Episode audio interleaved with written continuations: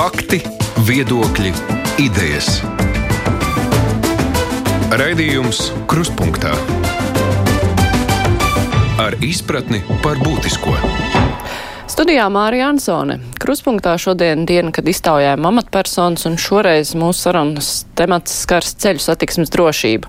Daudz jautājumu saistībā ar to atrodas ceļu satiksmes drošības direkcijas pārziņā, un šodien mūsu studijā ir eh, CSDD jaunais vadītājs Evers Aksēnoks. Labdien!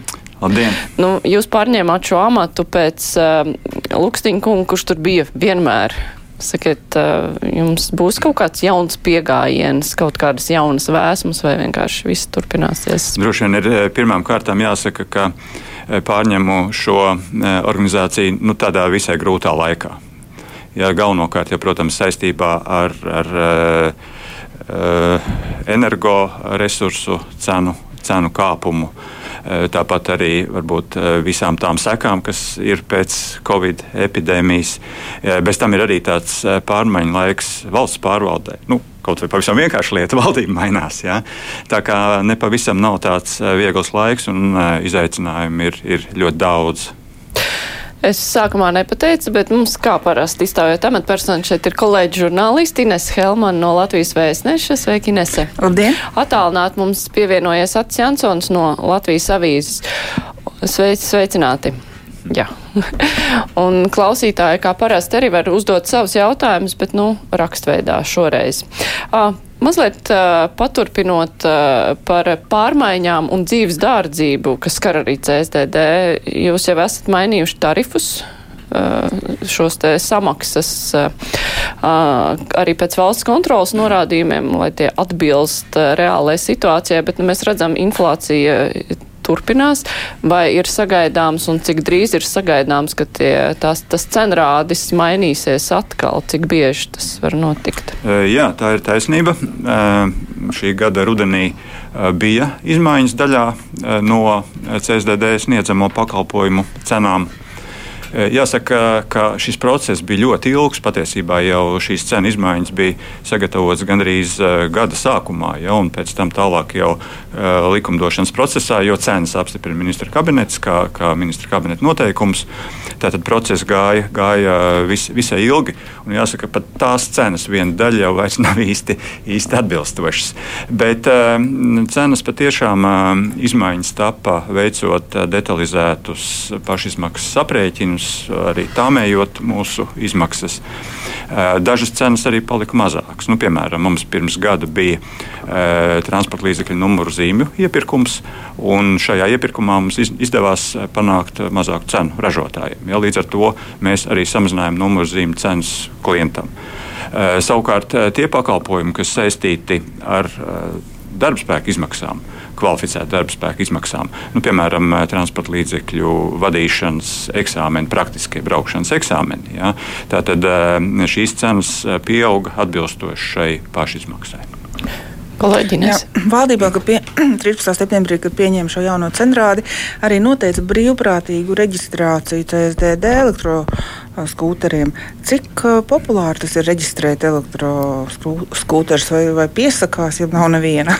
Nē, tā nav, ka nav neviena, bet nav daudz nav daudz.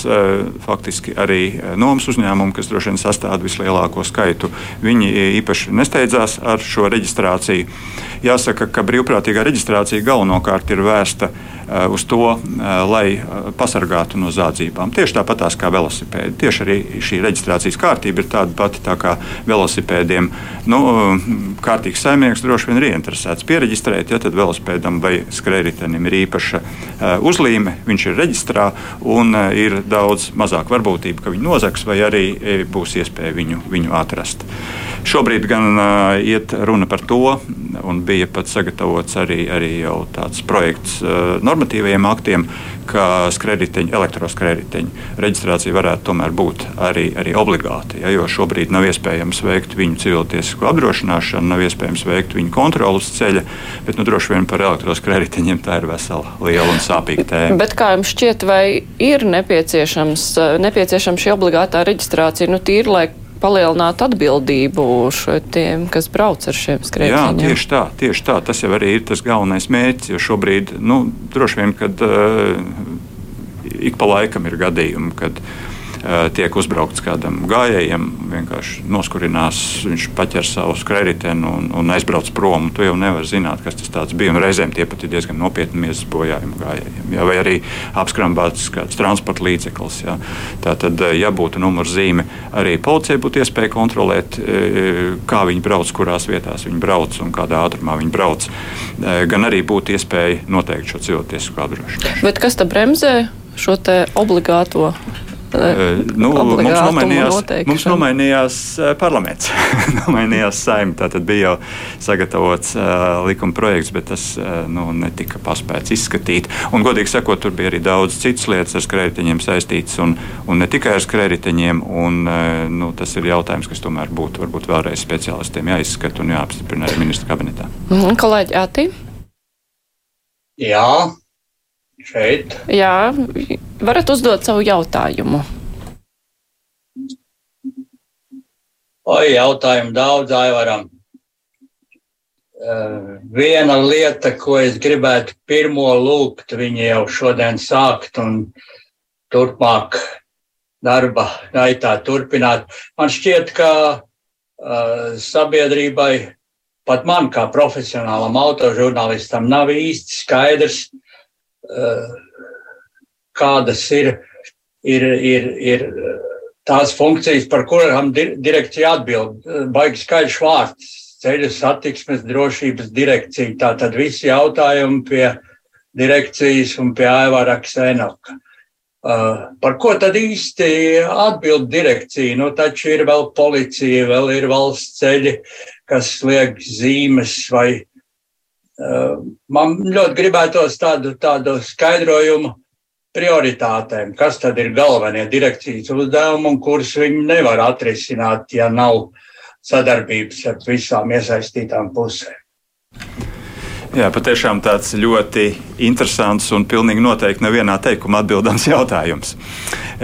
Sāksim varbūt no tā, ka gan dažādos starptautiskos dokumentos, gan arī mūsu Latvijas uh, plānošanas dokumentos, normatīvos aktos, uh, ir uh, trīs tādas galvenās skaldnes ceļu satiksmes drošībai. Ja? Tātad tas ir ceļu satiksmes dalībnieks, tā ir ceļš vai infrastruktūra un transporta līdzeklis. Ja? Un tad es varbūt savu šo arī mēģināšu mazliet, mazliet paskaidrot. Ja mēs runājam par ceļu satiksmes dalībniekiem, īpaši mūsu gadījumā par uh, transporta līdzekļu vadītājiem. Tad, tad tā laikam ir tā viena no pirmajām ļoti būtiskajām funkcijām, ka uh, mēs uh, nu, varētu teikt, piešķiram šo kvalifikāciju, ja, piešķiram tiesības uh, braukt, uh, pieņemam eksāmenus, noformējam dokumentus izmantojot mūsu transporta līdzekļu un vadītāju reģistru, sekojam arī viņa kā vadītāja gaitai kad viņam beidzās kādi termiņi, vai viņam ir izieta medicīniskā pārbaude noteiktajā laikā, un tā tālāk. Ja, tāpat arī caur mūsu reģistru tiek uzskaitīti arī viņa pārkāpumi, soda punktu, pārkāpuma uzskaits punktu, piemēram, ja, kas veido viņa tādu tā kā, arī lielāku, lielāku atbildību ja, ar iespējamām sekām. Tātad viss šis, kas saistīts ar vadītāju šādā plāksnē, mēs nedaram un nekontrolējam vadītājus uz ceļa. Ja, to pilnīgi noteikti dara ceļu policija. Nu, zināmā mērā varbūt vadītājiem liekas, ka mēs to darām, jo viņi saņem no mums paziņojumus par izdarītiem pārkāpumiem. Ja? Un tā ir tā viena joma, ko mēs tiešām šajā kontrolē darām caur jau pieminēto transporta līdzekļu un vadītāju reģistru. Mēs saņemam visu informāciju no tehniskajiem ceļu satiksmes kontrolas līdzekļiem. Ja? Tātad šobrīd no fotoradariem Eh, tuvākajā laikā arī no vidējā ātruma kontrolas eh, aparātiem. Tāpat arī plānots, ka būs eh, sarkanās gaismas pārkāpuma kontrole, tātad, un arī par tiem sodiem, kas ir bez vadītāja klātbūtnes par apstāšanās un stāvēšanas noteikumu pārkāpumiem. Tātad visa šī informācija uh, nonāk CSDD reģistrā, mēs apstrādājam, veicam pārbaudi, nosūt, nosūtam policijai policija pieņem lēmumu par sodīšanu, un tālāk jau atsūta informāciju mums. Un mēs nosūtām vadītājiem par šo nepieciešamību nomaksāt šo sodu. Bet, tas, protams, netiek sūtīts vēstuļveidā, ja tas viss ir. Nu jā, bet, bet runājot apmaiņa. arī par vadītāju atbildību, ko jūs minējāt, kā to šo te, acīm redzot, pirmo prioritāti, Klausītājs raksta, braukšanas noteikumu ievērošana ar katru gadu kļūst tikai sliktāka situācija. Rīgā ir drausmīga. Tā, tāpat kā jūs veicat auditus ceļiem, kā organizēt uh, drošu ceļu satiksmi, nu, jūs jau varat arī rekomendēt šo uzraudzību, nu, lai būtu ne tikai kvalifikācija pietiekoša saņemot tiesības, bet arī motivācija ievērot noteikumus. Kādas būtu rekomendācijas, nu, zinot, ka policijas kapacitāte kāda nu, ir, tāda ir. Tad kas ir tie? Tie labākie soļi, lai to nu, izdarītu? Tas, ko es teicu, jau šie tehniskie līdzekļi ir viens no šādiem soļiem. Ja praktiski arī pirmos tehniskos līdzekļus fotoradars uh, arī tika uzticēts CSDD uzstādīt, ja, ko mēs izdarījām un, un, un kur joprojām tajās vietās, kur viņi ir ļoti, ļoti disciplinē vadītājs. Un arī pieminētie pārkāpumu uzskaits punkti. Arī tā ir šī vadītāja atbildība. Bet, uh, protams, ka mēs uz ceļa uh, nu, neiesim, vadītājs nekontrolēsim, bet ir viena cita lieta, vēl, kas ir saistībā ar vadītājiem. Vadītāji ir jāaudzina pastāvīgi. Ja, gan ne tikai autoskolā pirms eksāmena kārtošanas, tas atkal varbūt ir vēl viena atsevišķa sarunas tēma, bet arī nu, pastāvīgi. Ja, līdz ar to CSDD vēl viena no funkcijām attiecībā par cilvēku.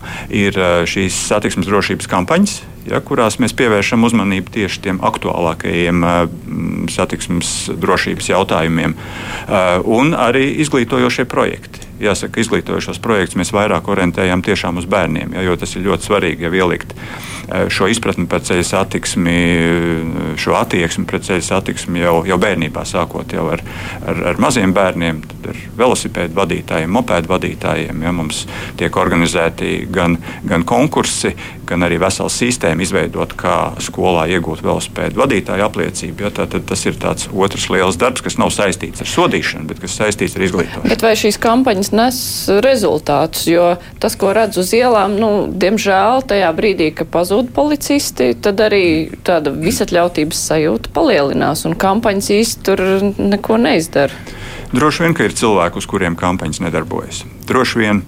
Un, e, protams, te ir tā sāpīgākā lieta, kur iespaidot ir visgrūtāk. Tā ir mūsu uh, sabiedrības attieksme pret uh, ceļu satiksmi. Ja. Būtībā uz tā ceļa kaut kādā mērā veidojas tās mūsu sabiedrības tāds tā spogulis. Ja.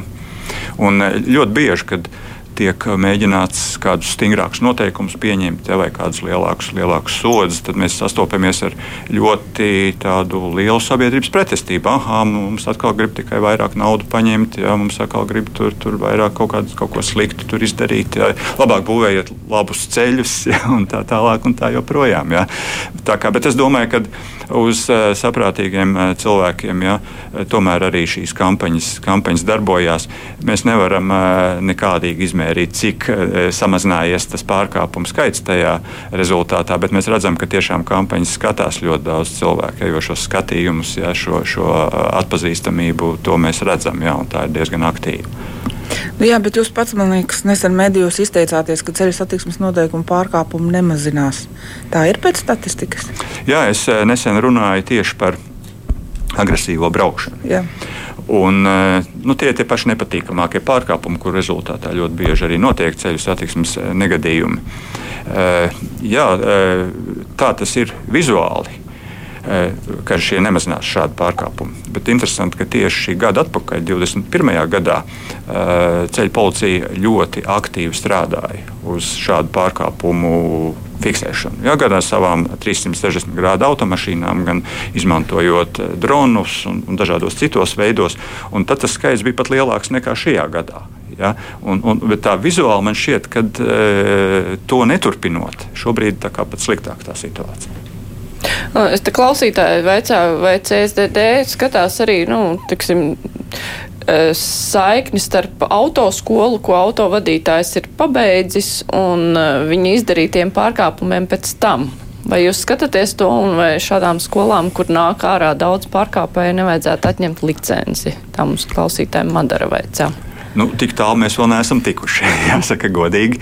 Bet e, ko mēs darām? Mēs pašlaik uh, veidojam tādu mm, analītisku programmu ja, kur ļoti ērtā veidā uzskatāmā uz, uz ekrāna ar dažādu vizuālu līdzekļu palīdzību mēs varēsim daudz labāk analizēt autoskolu darbu, arī mūsu pašu inspektoru darbu. Un, eh, es domāju, ka tas nākamais solis, nu, kāpēc ne? Varbūt arī nākotnē mēs varam, varam sasaistīt ar turpmāko vadītāju uzvedību. Kolēģi, Ati, jūsu jautājums? Nu, jā, par mācībām, ko tu noliki pirmā vietā, Evar, tad tad tur, manuprāt, ir jautājumi ļoti daudz. Uh, man šķiet, ka apmācība ir nepietiekama. Nu, piedodiet, uh, protams, šis prieks ir dārgs, un acīm redzot, tāpēc braukšanas stundu ir tik maz, cik viņi ir. Neviens, kas saņem licenci, nav pabraucis kārtīgi pa šoseju ārpus pilsētas. Neviens nerunāsim par, par tādām lietām kā sniegs, grāns, Latvijas satiksmē neizbēgams sastāvdaļas nav pabraucis. Kādas ir ieceres šajā jomā, kā pilnveidot, kā paplašināt, varbūt, ka nepietiek ar šo sākotnējo apmācību, varbūt tomēr jāatgriežas pie domas par papildu apmācību pēc pirmā gada vai, vai tam līdzīgiem paņēmieniem. Kā mēs uzlabosim? Jaunie brauc vissliktāk. Jā, tas patiešām ir ļoti plašs jautājums. Un, es pat gandrīz vai teiktu, ka atsevišķas sarunas, sarunas vērts, ja, jo mēs tikai sākām pašu, pašu pirmo uh, mūsu funkciju. Bet tas, ka ir jāstrādā ar autoskolām, tas, ka ir uh, jādara diezgan tādas principiālas izmaiņas autoskolu darbā, kad jāstrādā arī savādāk ar autoskolu pasniedzējiem tur es pilnīgi piekrītu. Ja, bet tas nav varbūt tā tik īsā brīdī pastāstāms, jo uh, viena lieta jau ir iemācīt tos noteikumus un iemācīt to stūri griezt ja, un tehniski vadīt automobīlu. Bet uh, man liekas, viss sarežģītākais ir iemācīt to attieksmi pret ceļu satiksmi. Un to vajag iemācīt pašā sākumā. Ja, tāpat kā jau sākot ar bērniem, bet arī vadītājiem pašā sākumā. Tā kā varbūt es par to plašāk šobrīd neatbildēšu. Bet, bet, bet tā ir, bet ka jaunie ir. brauc vissliktāk. Vai jūs veicat analīzi par to, nu, tiksim, kāds stāsts ir izraisīto auto avāriju vaininiekiem? Uh, jā, jā un, eh, tāda... kā, kā tas sadalās? Teiksim, es eh, paturpināšu agresīvie braucēji, alkohola lietotāji, nu, nu, apmēram tāpēc arī tiem iemesliem, un kā tas korelē ar vecumu un stāžu. Nu, tur uzreiz ir vairāk jautājumu, bet, ja mēs runājam par izraisītiem ceļu satiksmes negadījumiem, eh, tad jā, to pat nesen iznāca kādā citā sakarā skatīties, un uh, pavisam uh, vēl kādu nesenu laiku atpakaļ jā, bija liel, diezgan liels īpatsvars jauniem vadītājiem.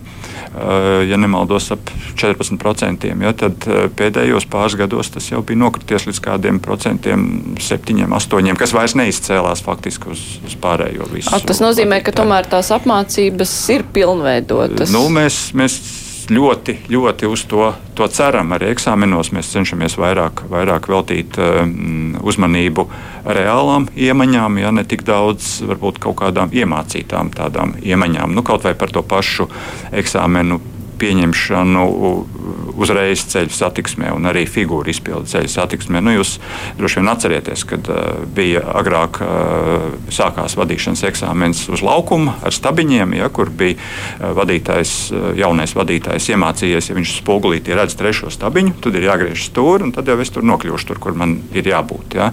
Bet ceļu satiksmē tas pavisam savādāk, ka tur ir reāls automobīls, ka tev jānovērtē attālums, ja tur var iebraukt, nevar iebraukt. Ja. Un tā kā šogad jau faktiski no, no aprīļa mēneša mēs pieņemam tieši šādā veidā eksāmenus. Tātad visu virzam uz, uz to, lai, lai eksāmenis tiktu pieņemts eh, reālāk, tuvāk reālajai situācijai. Jums uz ceļiem ir simts fotoradari. Ja? Augustā tika iepriekšējais uzturētājs lauza līgumu. Es medijos ne, nevarēju atrast ziņu par to, kas šobrīd uztur, vai jums bija iepirkums un, un cik tas arī maksā. Nu, jā, fotoradaru uzturēšanai faktiski ir e, trīs komponentes. Jā, līdz uh, jūs minētajam līguma laušanas brīdim to visu nodrošināja viens uzņēmums, kas ir uh, šo fotoradaru ražotāju oficiālais pārstāvs un, diemžēl, ir vienīgais pārstāvs Latvijā. Bet, nu, bija ļoti augstas prasības attiecībā par pakalpojumu cenas palielināšanu, ja, un, ko mēs nevarējām izpildīt. Tad arī no viņa puses līgums tika lausts. Un šis pakalpojums sastāv no trīs galvenām komponentiem. Tad viens ir licence par, par šo joslu kontroli. Otrs ir fotoradaru verifikācija, kas ir jāveic reizi gadā. Un trešais ir par tādu nu, kā lai to saka, fizisku vai saimniecisku apkalpošanu. Jā, tātad stīkliņu tīrīšanu, uzlikšanu, noņemšanu, vedot uz verifikāciju vai uz kādiem remonta darbiem. Jā. Tātad par licenci mēs noslēdzām līgumu jau tūlīt pēc iepriekšējā līguma laušanas.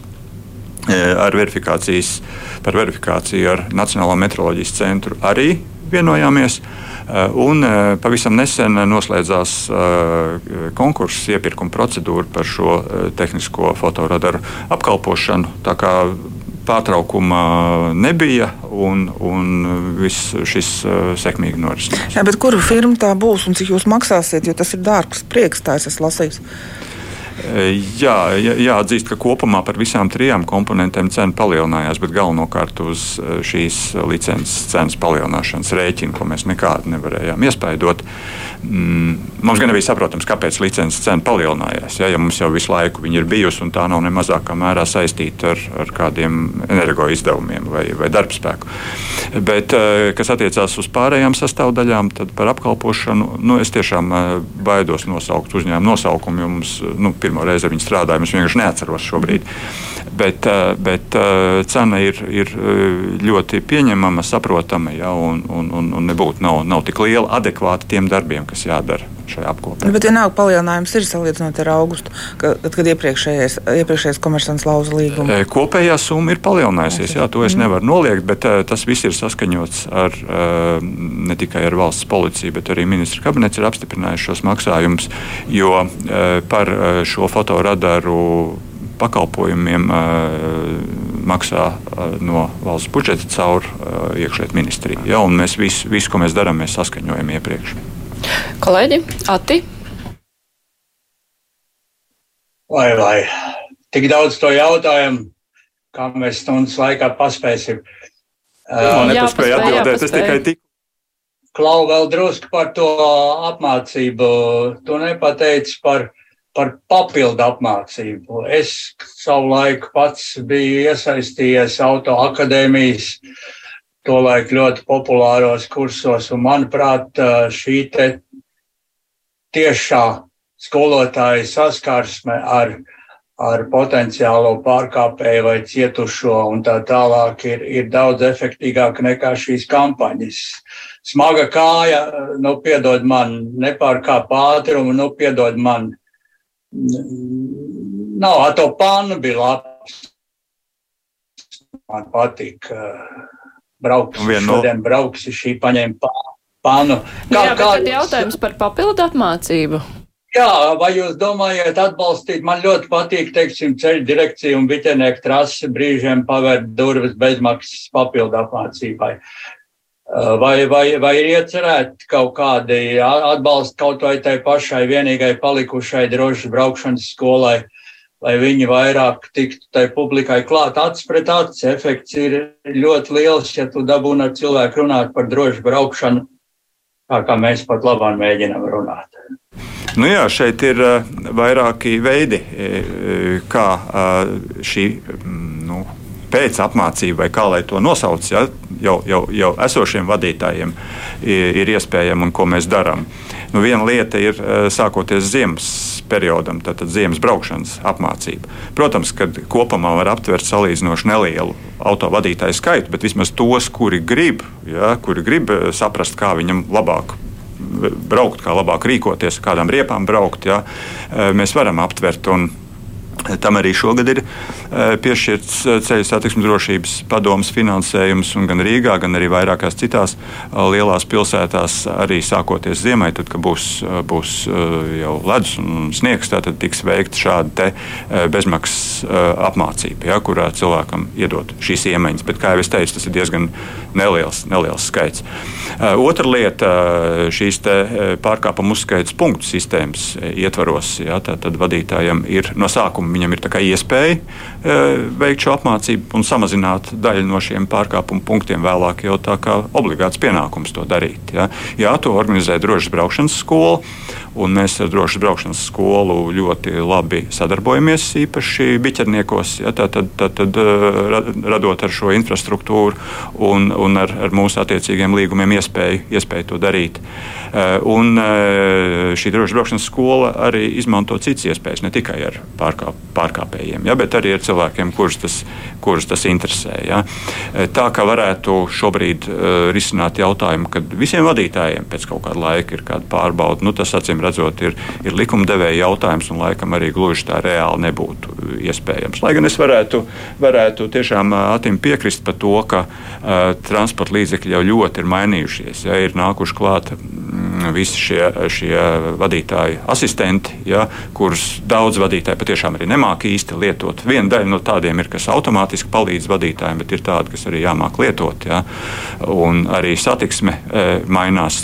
Tas, protams, būtu, būtu ļoti labi, bet nu, šobrīd tā nav tā īsti mūsu, mūsu kompetence un arī atbilstoši finansē.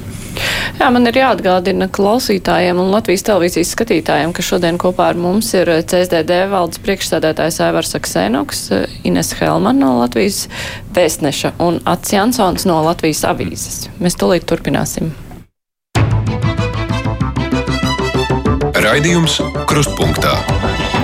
Mēs jau šeit runājam par skrējriteņiem un viņu atbildību. Mums klausītāji jautā par nomas auto, kuri bieži vien iekļūst avārijās. Un, acīm redzot, tur ir brauc cilvēki, kuriem nav vai nu pietiekama pieredze, varbūt pat nav pārbaudīts viņu tie, autovadīšanas mm. tiesība esamība.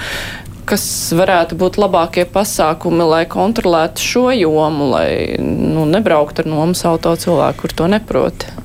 nu, tur ir sadarbība ar šiem nomas uzņēmumiem. Ja mēs pavisam nesen ar vienu no šiem uzņēmumiem vēl, vēl tikāmies, e, viņi pat arī vēl šobrīd neizmanto visas tās iespējas, kas ir. Ja, jo viņiem e, e, ir iespēja, ko mēs nodrošinām. Tātad kontrolēt šīs vadītāja apliecības, pieslēdzoties mūsu reģistram. Ja mēs attiecīgi vienojamies, piešķiram pieejas tiesības ja, tai informācijai, kas viņiem ir nepieciešama, un iespēja pārbaudīt. Bet, cik es zinu, šobrīd viņi ne visi to vēl izmanto. Ja viņi vienkārši fotografē to vadītāju apliecību, tad it kā skatās, vai tā ir. Nu, atbilstoša apliecība, ja, bet nepārbauda reģistrā. Ja, tas ir tas, ko pilnīgi noteikti mēs varam piedāvāt un ko var uzlabot. Un vēl kas? Tas ir vienīgais no nu, šī derīgās apliecības pārbaude. Nu, piemēram, es no Lielbritānijas esmu iedzīvotājs, kas paredz pavisam citādāk to satiksmu organizēt. Un tagad Latvijā man visticamāk, vai Eiropā man visticamāk būtu ļoti grūti.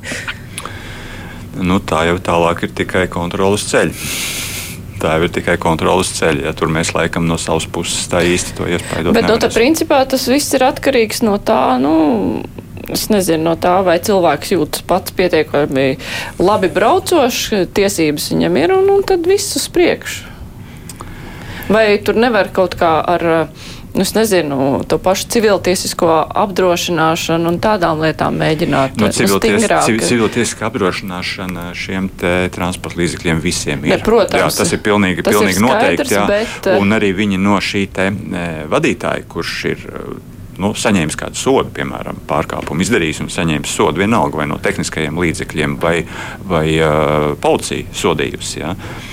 Tā tad uh, viņi attiecīgi šo, šo sodu piedzen droši vien, kad vēl ar kaut kādiem lieliem procentiem ja, piedzen no, no šī vadītāja, jo viņiem ir laba sistēma, kas nodrošina, ka viņi zina, kurā laikā kurš ir braucis. Ja, un, protams, ka droši vien ir krāpnieki ar kaut kādiem viltotiem dokumentiem vai kā citādi. Ja, ir, viņi paši atzīst, ka tā ir. Ja, bet pa lielam viņi to, to izkontrolē un, un vadītāji pēc tam tiek sodīti. Tie, kas ir policijas sodījusi arī, arī, arī ar visu sekojošiem sodu punktiem, pārkāpumu punktiem, jā, ar tehniskajiem līdzekļiem, ar naudas sodiem. Kolēģi, Ati? Ziema nāk. Kā būs ar tā laikam ir jūsu sadarbības joma, policija un CSDD rīko tehniskās, tehniskās kontrolas uz ceļiem. Es pastaigāju, man tāda tāds ieradums ir lielveikala stāvvietās vienkārši paskatos tos riteņus, ar kuriem mēs tuvojamies ziemai. Un, uh, piedodiet, skatiņš ir baigs, apskati ir, ir reizi gadā, un tad man tur varbūt ir tie attiecīgā brīdī nepieciešamie milimetri, bet pat labāk mēs piebraucam pie ziemas ar, ar, ar tādiem riteņiem, ka šīs kontrolas, manuprāt, ir, ir, ir vajadzīgas vairāk nekā fotoradāri. Jā, tieši to mēs arī darām, jo, jo patiešām apskati ir reizes gadā, un, un ir tādi izveicīgi cilvēki, kur cenšas arī kaut kā, kaut kā pat varbūt aizņemties tās riepas uz to tehnisko apskati. Jā. Bet tāpēc mēs tiešām organizējam šos reidus kopā ar, ar, ar valsts policiju, eh, kur nu, valsts policija, protams, ir galvenā funkcija un tiesības apturēt eh, šos, šos autovadītājus, bet, bet tālāk strādā CSDD speciāla brigāde, kas pie mums ir izveidota, eh, kas ehm, tādas mērķa pārbaudas veids. Ja? Tie nav tikai, protams, nav, tas nav tikai riepas. Ja vasarā, piemēram, trokšņa kontrole tiek veikta, ja vai kravas automobīļiem tiek arī dažādu citu defektu pārbauda veikta bet tieši sākoties ziemas sezonai eh, ir šīs mērķa pārbaudas par, par riepām. Ja, tur ir, kam tiek noņemts tehniskās apskates uzlīmes, bet, eh, ja šīs riepas ir, ir, ir pavisam jau nu, vienkārši sakot, nodilušas un, un, un neatbilstošas, e, tad, tad līdz pat tam, kad tiek noņemta numurzīme un, un, un tikai pēc tam var atgūt tiesības braukt ar šo automobīlu, kad ir iziet atkal tehniskā apskate. Par apskatēm runājot, nākamgad ir jābeidz publiskajam iepirkumam par tehniskās apskates e, veikšanu. Kā tur veicās un ar ko ir jārēķinās e, autovadītājiem, auto īpašniekiem? Tad, kad būs brīvajā tirgu aizgājis šis te. Eh, jā, tehniskās apskates pakalpojumu sniegšanas eh, iepirkums beigsies eh, nākamā gada februārī. Tātad pieteikuma iesniegšanas termiņš, kurš ir uh, pietiekami ilgs, tad veselu pusgadu uzņēmējiem ir iespēja, iespēja uh, rēķināt uh, savas izmaksas, iespējas gatavot dokumentus, lai varētu iesniegt šos savus pieteikumus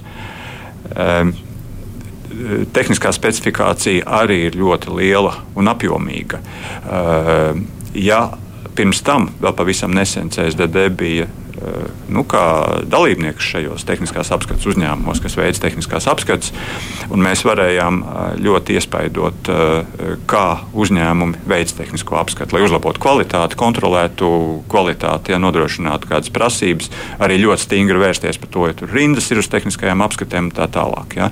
Tad pēc šī iepirkuma Mums būs tikai līguma attiecības ar šiem pakalpojumu sniedzējiem. Tāpēc bija ļoti liels un apjomīgs darbs, lai visas iespējamās situācijas, gan tehniskās prasības, gan juridiskās prasības, visu noformulētu šajā iepirkuma dokumentācijā. Ja? E, nu, mēs e, ceram, ceram, ka e, tā rezultātā, konkurences rezultātā, patiešām būs šo pakalpojumu uzlabojumi. Mēs esam arī ielikuši jau pašā iepirkumā šādas prasības. Nu, piemēram, Rīgā jā, mēs redzam, ka Rīgas tehniskās apskates stacijā bieži vien veidojās, veidojās pietiekami liels rindas, gaidīšanas laiks. Protams, klientiem ir arī iespējas, kā izvairīties no tā, bet jebkurā gadījumā kapacitāte ir nepietiekoša. Ja? Un, un kamēr tika gatavota visa šī iepirkuma dokumentācija, kas aizņēma pietiekoši ilgu laiku, tur bija valdības, valdības lēmumu iepriekš jau koncepcija apstiprināta, tikmēr nebija iespējas arī esošajiem šiem pakalpojumu sniedzējiem veikt kādus paplašināšanas vai uzlabošanas darbus. Līdz ar to kapacitāte nepietiek. Un Rīgā ir arī iepirkumā paredzēta jauna Tātad otrā Daugaus krastā jauna liela tehniskās apskates stacija. Ja, protams, būs kāds laiks, kamēr uzvarētājs viņu vēl uzbūvēs, izveidos, palaidīs, ja, kur ir maksimālais laiks noteikts divi gadi. Ja. Ir arī uzlabojumi un prasības arī visur citur Latvijā tehniskās apskates stacijā. Bet, nu, principā, nu, cilvēki ir pieraduši pie tā, ka tur un tur pie CSDD atrodas tās apskašu vietas, tad tagad parādīsies jaunas, un tās var mainīties, teiksim, atkarībā no iepirkumiem. Jo skaidrs, ka nebūs jau tā, ka kurā katrā garāžā var iziet apskati, bet, eh, nu, cik, teiksim, stabilas tās vietas. Tā kā jūs minējāt, ka Rīgā parādīsies otrā krastā vēl kāda. Jā, tas tāds ļoti pareizs jautājums no jūsu puses. Jo vienā brīdī mums bija tāds no, no atsevišķām valsts institūcijām spiediens, ka vajag tehnisko apskati atļaut darīt jebkurā autoservisā. Ja. Nu, es tagad varbūt neanalizēšu, bet tam patiešām ir ļoti daudz riski. Ļoti daudz riski, un tad pilnīgi savādāk vēsturiski būtu jābūt bijis risinātam tam jautājumam. E, tāpēc prasības iepirkumai noteikts, e, lai varētu veikt akreditāciju pietiekoši augstas. Bet uh, uz šo iepirkuma brīdi tehniskās apskates stācijai nav jābūt gatavai. Ja? Līdz ar to arī pilnīgi citi spēlētāji var ienākt šajā tirgū var ienākt ar labu projektu, ar labu šo te, aprēķinu, ar skaidru redzējumu, kā viņi to veiks. Un, nu, nav tādu ne mums tiesību, ne arī tāda vēlēšanās bija, lai būtu tieši blakus mūsu nodaļām mūsu klientu apkalpošanas centriem. Protams, ka tas ir ļoti ērti. Bet eh, tad, ja apskates stācija būs citā vietā, jebkurā gadījumā tā funkcija, kas ir no CSDD puses, tātad veikt eh, iepriekšēju dokumentu pārbaudi pirms apskates, ja, šīs kontrolas. Nu, kā jūs zināt, nodokļu nomaksa, jā, soda nomaksa, eh, pārbaude reģistrā un tam līdzīgi. Jā, tad arī jaunajā tehniskās apskates stacijā, tā būs citā vietā, CSDD nodrošinās arī šo pakalpojumu. Jā, bet kurā vietā Daugavas labajā krastā, tātad, kur tā atradīsies? Jā, jā, jā nu, to mēs nevaram zināt. À, to, to izvēlēsies, jā, to izvēlēsies, to izvēlēsies uzvarētājs. Faktiski viens tāds izņēmums ir, ir nu, piemēram, mūsu kravas tehniskās apskates stacija, kur gan ēka, gan viss tā infrastruktūra ir mums piedaroša, ja, un mēs tajā vietā piedāvājam, nu, kurš piedāvā labāku piedāvājumu strādāt tajā vietā. Bet par citām vietām ir, ir šī pretendenta tiesība izvēlēties piemēru piemērotu vietu. Tur atkal ir virkni nosacījumu, ja piebraukšana, iespēja tajā vietā veikt šādu. Jā, bet biznesu. kam piederēs tā jaunā stacija? Tiem pašiem iepirkumu uzvarētājiem, jeb CSDD, kas maksās? Uh, nu, divi dažādi jautājumi. Tātad stacijas, stacijas piederēs šo pakalpojumu sniedzējiem. Uh, bet uh, viņiem maksās nevis uh, klienti, uh, un nevarēs būt arī kādas dažādas cenas no šo tehnisko apskatu stāciju puses. Joprojām klients maksās pēc ministra kabineta noteiktās cenas CSDD kontā, un mēs savukārt atbilstoši mūsu līgumiem norēķinamies ar šo pakalpojumu sniedzējiem. Varbūt tas būs tā mazliet sarežģīti, es tā pavisam vienkārši pamēģināšu paskaidrot, ka tehniskā apskate nav tikai tā, tā fiziskā pārbauda automobīlim. Ja, kā jau es teicu, tur ir dažādu juridisku lietu pārbauda pirms tam, ja, tad, tad sodi, nodokļi, reģistrs un tā tālāk. Ja, un šī fiziskā apskate, protams, kaut arī lielākā, bet ir viena sastāvdaļa, un to mēs pērkam no Nu, Bet, nu, principā, tas nozīmē, ka nekāds tirgus īsti nav atvērts. Jo, ja ministra kabinets nosaka cenrādi, tad tas arī ir cenrādis viens visiem un nevar cerēt, ka kāds varbūt piedāvā izdevību. E, gluži tā nav. Jo, e, katrs pretendents mums pavisam 33 lotes Latvijā sadalīts reģionāli. Katrā ir atsevišķs uh, konkurss, un var uzvarēt arī dažādi uh, šie pakalpojumu sniedzēji. Un, uh, viņi katrs savu cenu noteiks. Nu, uzvarēs labākā cena. Uh, pēc tam, izrēķinot, kāds ir apjoms katrā no, no šiem reģioniem, tiks izrēķināta vidējā katras kategorijas transporta līdzekļu cena, mūsu uzraudzības pakalpojumi. Un tad arī ministra kabinets noteiks šo cenu. Tas nozīmē, ka pakalpojumu sniedzējiem pakalpojumu cenas varēs atšķirties, bet klientiem būs vienalga, vai viņš iet Ludzā vai viņš iet Rīgā. Mm -hmm. Mums likās ļoti netaisnīgi, tāpēc vien, ka Ludzā ir, nu, es piemēram saku Ludzā, ja, ir, ir eh, mazs uh, apgrozījums tehniskajās apskatēs, ka tāpēc Ludzā būtu uh, cilvēkiem jāmaksā trīs reizes vairāk par apskatu nekā, piemēram, Rīgā, kur ir ļoti liels apgrozījums un mažā, mazāk pašizmaksas. Ja. Tā kā līdz ar to mums likās ļoti svarīgi nodrošināt šo, šo, šo klienta vienlīdzību visā valstī. Kolēģi, Ati? Vēl vienu no simt jautājumiem, lūdzu. Jā. Klau, manuprāt, iedarbīgāk par, par kampaņām ar smagām kājām, iedarbīgāk par, iespējams, pat iedarbīgāk par par papildus apmācībām, kuras vienalga būs lokā ierobežotas. Tie būs simti, ne, nekad nebūs 300 tūkstoši, kā mums ir autovadītāji. Būtu jā, masu mēdījos parādītos avāriju analīze, kuras mums nav vispār. Mums ir valsts policijas ziņojumi par to, ka smagi cietušie tādi, tādi iebrauc pretējā virzienā joslā, sadūrās, vairāk nav ne vārda. Mēdīji nav spējīgi finansiāla apstākļu dēļ veikt šo darbu. Valsts ceļi man šķiet pirms pāris gadiem kaut kādu tādu blici nodibināja, bet ar nekas tur iedīgs neiznāca. Kurš varētu Es, es saprotu, ja ir cietušie, tad ir krimināla lieta, kur, kuras izmeklēšana ir noslēpums. Ja? To laikam nevar. Bet kaut kādā veidā rādīt, kāpēc viņš iebrauc tajā pretējā joslā, kāpēc viņš nevarēja savākties vai to pašu riepu dēļ, vai kurš varētu uzņemties iniciatīvu Latvijā palīdzēt, palīdzēt mēdījiem šajā ziņā. Es domāju, ka šeit netik svarīgi būtu palīdzēt medijiem un to parādīt, lai gan es to arī nenoliedzu, cik vispār analizēt šos smagos satiksmes negadījumus. Un tas ir viens jautājums, ko patiešām gribam uh, strādāt un koordinēt savu darbu kopā gan ar Latvijas valsts ceļiem, gan ar valsts uh, policiju. Uh, un, tiešām veikt analīzi. Policija fiksē. Viņiem ļoti daudz parametru, tur ir vesela noteikta kārtība, ja, ko viņi fiksē pie ceļu satiksmes negadījuma.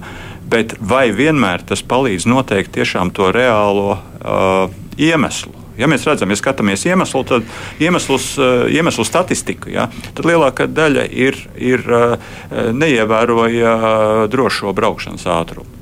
Un tas patiesībā neizsaka tajā brīdī neko. Vai tur bija lielāka infrastruktūras uh, vaina, kur varēja kaut ko uzlabot, vai tas bija, bija kāda laika apstākļi, vai tas bija kāda vadītāja nesagatavotība vai kas cits. Jā. Bet no ātruma ievērošana jau vienmēr ir saistīta ar, ja ir slikta infrastruktūra, tā tad nevajag braukt uz to maksimālo atļautu. Nu, teiksim, ātrums jau jā, bet, ir tas jā, bet, iemesls. bet katrā negadījumā, es jau tikai varbūt kādu piemēru minu, bet eh, katrā negadījumā, kā Atis ļoti pareizi atzīst, nozīmē. Ja? Ir tiešām uh, nu, iemesls vai parasti iemesli, ja, kas ir vēl kādi vairāki.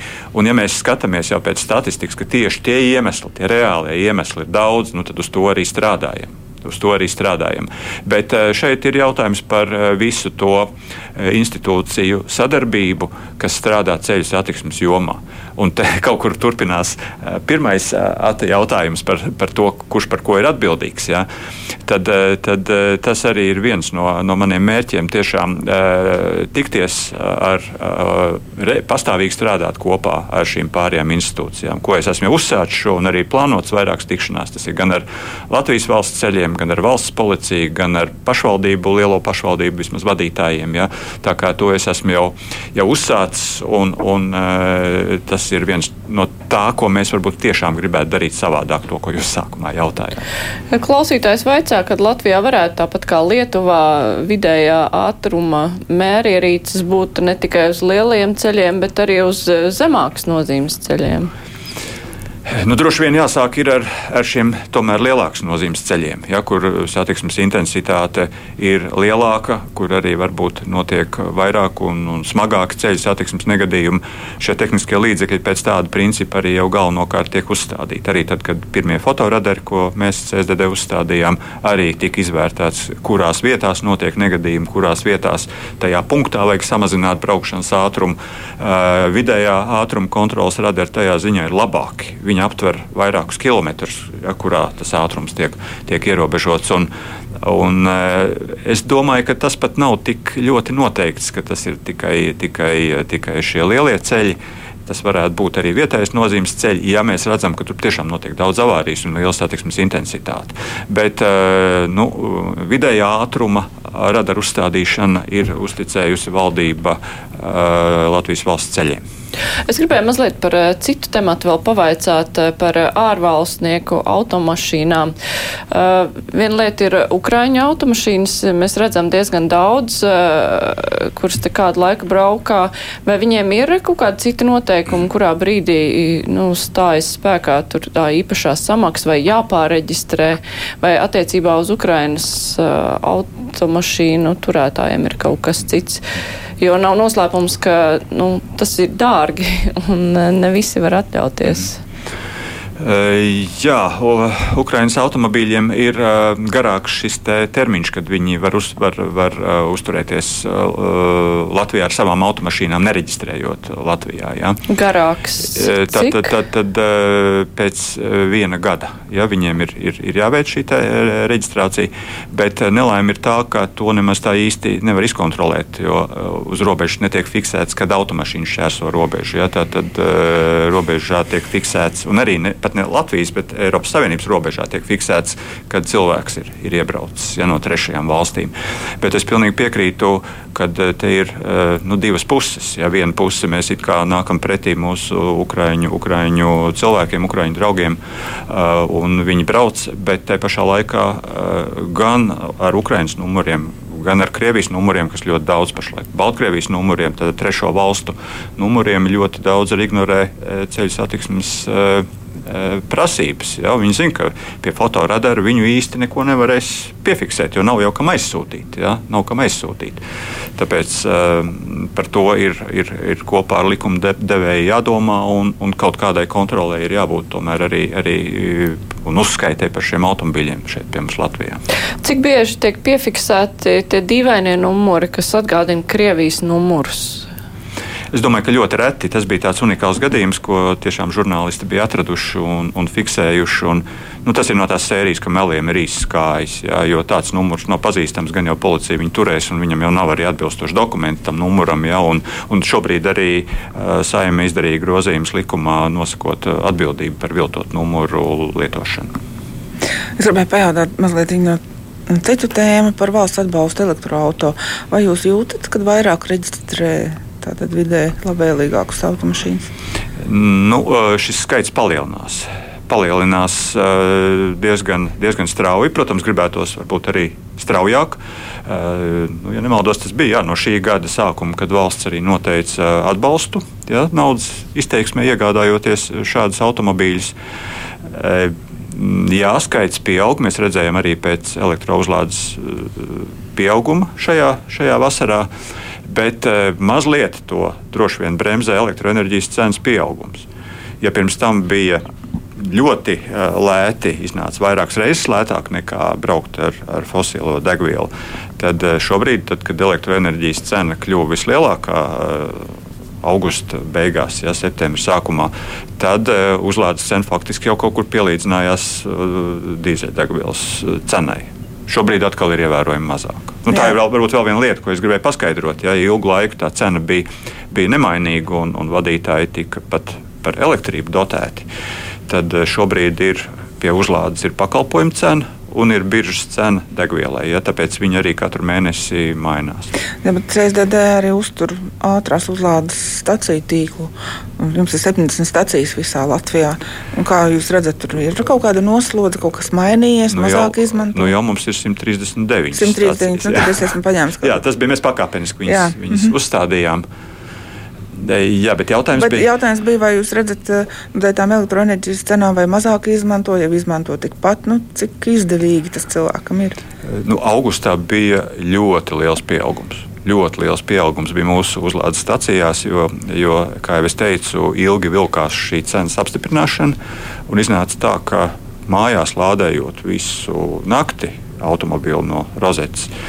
Cena bija, bija augstāka nekā mums pusstundas laikā ātrās uzlādes stacijā. Ja, tāpēc ļoti pieauga uzlāžu, uzlāžu skaits.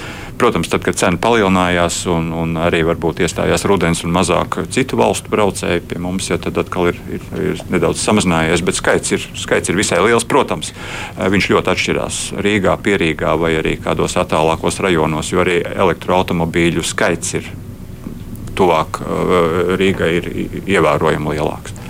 Uh, vēl paspēsim vienu klausītāju jautājumu, par ko mēs jau pirms raidījuma mazliet runājām. Klausītājs rakstā, ar katru gadu palielinās rindas uz tehnisko apskatu, un viņš oktobrī ir gaidījis sešas stundas Rīgā. Viņš vaicā, kad tiks palielināta tehniskās apskates jauda. Es vēl papildināšu, vai ar to, ka parādīsies šie papildus pakalpojums sniedzēji, ir doma, ka varētu samazināties rindas. Jā, pilnīgi noteikti, ja, jo tā otra stacija ir paredzēta kā minimums ar astoņām tehniskās apskates līnijām, ja, kas būs ļoti uh, liels iespējas. Jo tās rindas galvenokārt tieši ir Rīgā. Ja, ārpus Rīgas viņas ir, viņas ir, ir daudz mazāk. Nu, šob, šobrīd tiešām, ko es aicinātu autovadītājus izmantot to iespēju, lai negaidītu tur uz vietas tās sešas stundas. Jā. Jo mēs tiešām nodrošinām katru dienu tehnisko apskati. Jā, varbūt pat arī iznāk ilgāk pagaidīt, bet nav tā kā varbūt daudzām citām iestādēm, kur, lai saņemtu pakalpojumu, tev ir mēnesi iepriekš jāpierakstās. Mums arī ir pieraksta iespēja, ja, bet tā arī diezgan tiek uz priekšu aizpildīt samērā, samērā daudz. Bet es jau iepriekš izstāstīju, ja, kad ir iespēja gan izmantojot aplikāciju, gan paņemot attālinātu kārtas numuriņu, tad ir iespējas kā savu laiku ekonomēt. Bet, uh... Kādēļ tās rindas vispār veidojās? Tā, nu, tas bieži vien ir tā lēcienveidīgi. Jā, tā ir. Un, uh, Reizēm mēs to varam saprast, kāpēc, reizēm nē. Nu, rindas parasti veidojās pirms kaut kādām izmaiņām. Ja, piemēram, pirms tās riepu maiņas brīža, ja tad ir situācijas, kad, kad izveidojās rindas. Mums Savukārt, pilnīgi nesaprotamu iemeslu pēc tas, par ko arī runās, septembris, oktobris sākums, ļoti daudz cilvēki sāka braukt uz apskati priekšlaikus. Nu, jūs jau droši vien ziniet, ja, ka katram veicot tehnisko apskati, ir nozīmēts datums, līdz kuram viņam ir, ir jāiziet tehniskā apskata, un parasti jau tajā datumā uz to tuvu, tuvu tam cilvēki arī brauc. Šajā rudenī es kāpēc sāka braukt vairākus mēnešus uz priekšu, kuriem beidzās apskate decembrī, pat nākamā gadā, janvārī, sāka braukt laicīgi. Varbūt tas saistīts ar to, ka, ka cilvēki nu, bažījās, vai viņiem būs pietiekami līdzekļi apkurses sezonas laikā, ja, un kad, kad mēģināja braukt ātrāk. Tas bija vēl viens iemesls, kāpēc arī šī nevienmērība parādījās. Un tā nevienmērība jau arī ir tā tā problēma, kāpēc tās rindas reizēm ir. Jo, lai rindas nebūtu nevienā brīdī, tai kapacitātei jābūt vairākas reizes lielākai, un tad arī cenas attiecīgi pieaugs. Un, uh... Jūs minējāt Rīgā, ka tiks palielināta kapacitāte, bet ārpus Rīgas tās staciju skaits arī palielināsies? Uh, Staciju skaits palielināsies nedaudz. Ir atsevišķas vietas, kur palielināsies līniju skaits. Eh, bet eh, stācijas jaunas pēc šī iepirkuma ir, ir paredzētas eh, Smiltenē un Līvānos. Līdz ar to uh, tehniskās apskates stācijas pilnībā uh, atbildīs uh, šai te, Latvijas teritoriālās, teritoriālās attīstības plānam, tātad 2030. Ja? Un, un Tā kā tur ir teritoriālais iedalījums, tāpat tās arī būs tehnisko apskašu stācijas. Bet nu nebūs tā, ka tur uh, milzīgs birums desmitiem vairāk mm. nekā pirms tam. Ja būtu tiešām vesels birums, tad arī tā cena attiecīgi pieaugtu ļoti, ļoti būtiski. Jā, un uh, es ar to arī teikšu paldies. Šodien kopā ar mums bija ceļu satiksmes drošības direkcijas valdes priekšsēdētājs Aivars Aksenoks, arī žurnālisti Ines Helmane no Latvijas vēstneša Ats Jansons no Latvijas avīzes. Bet raidījums šodien izskan un raidījuma producenti Revija Junām studijā bija Mārija Ansona. Atkārtojumā mūs klausieties pēc deviņiem vakarā vai arī jebkad internetā sev ērtā laikā. Visu labi, tiekamies arī rīt!